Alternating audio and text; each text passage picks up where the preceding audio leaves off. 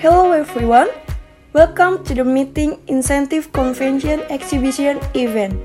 I'm very excited to have you here. Now, before we begin, let me introduce myself. My name is Nadiya as a moderator and I will remind you to the rules. First, don't open the speaker before the guest finishes talking. Second, don't leave before the event is over. And third, always open your camera.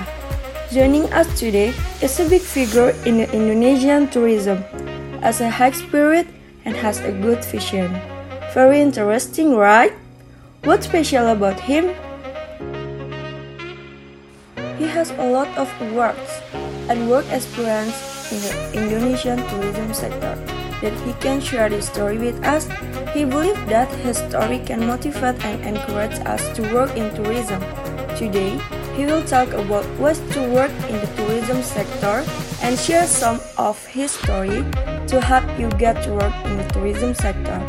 Give some applause to Mr. Gumilar Ekalaya.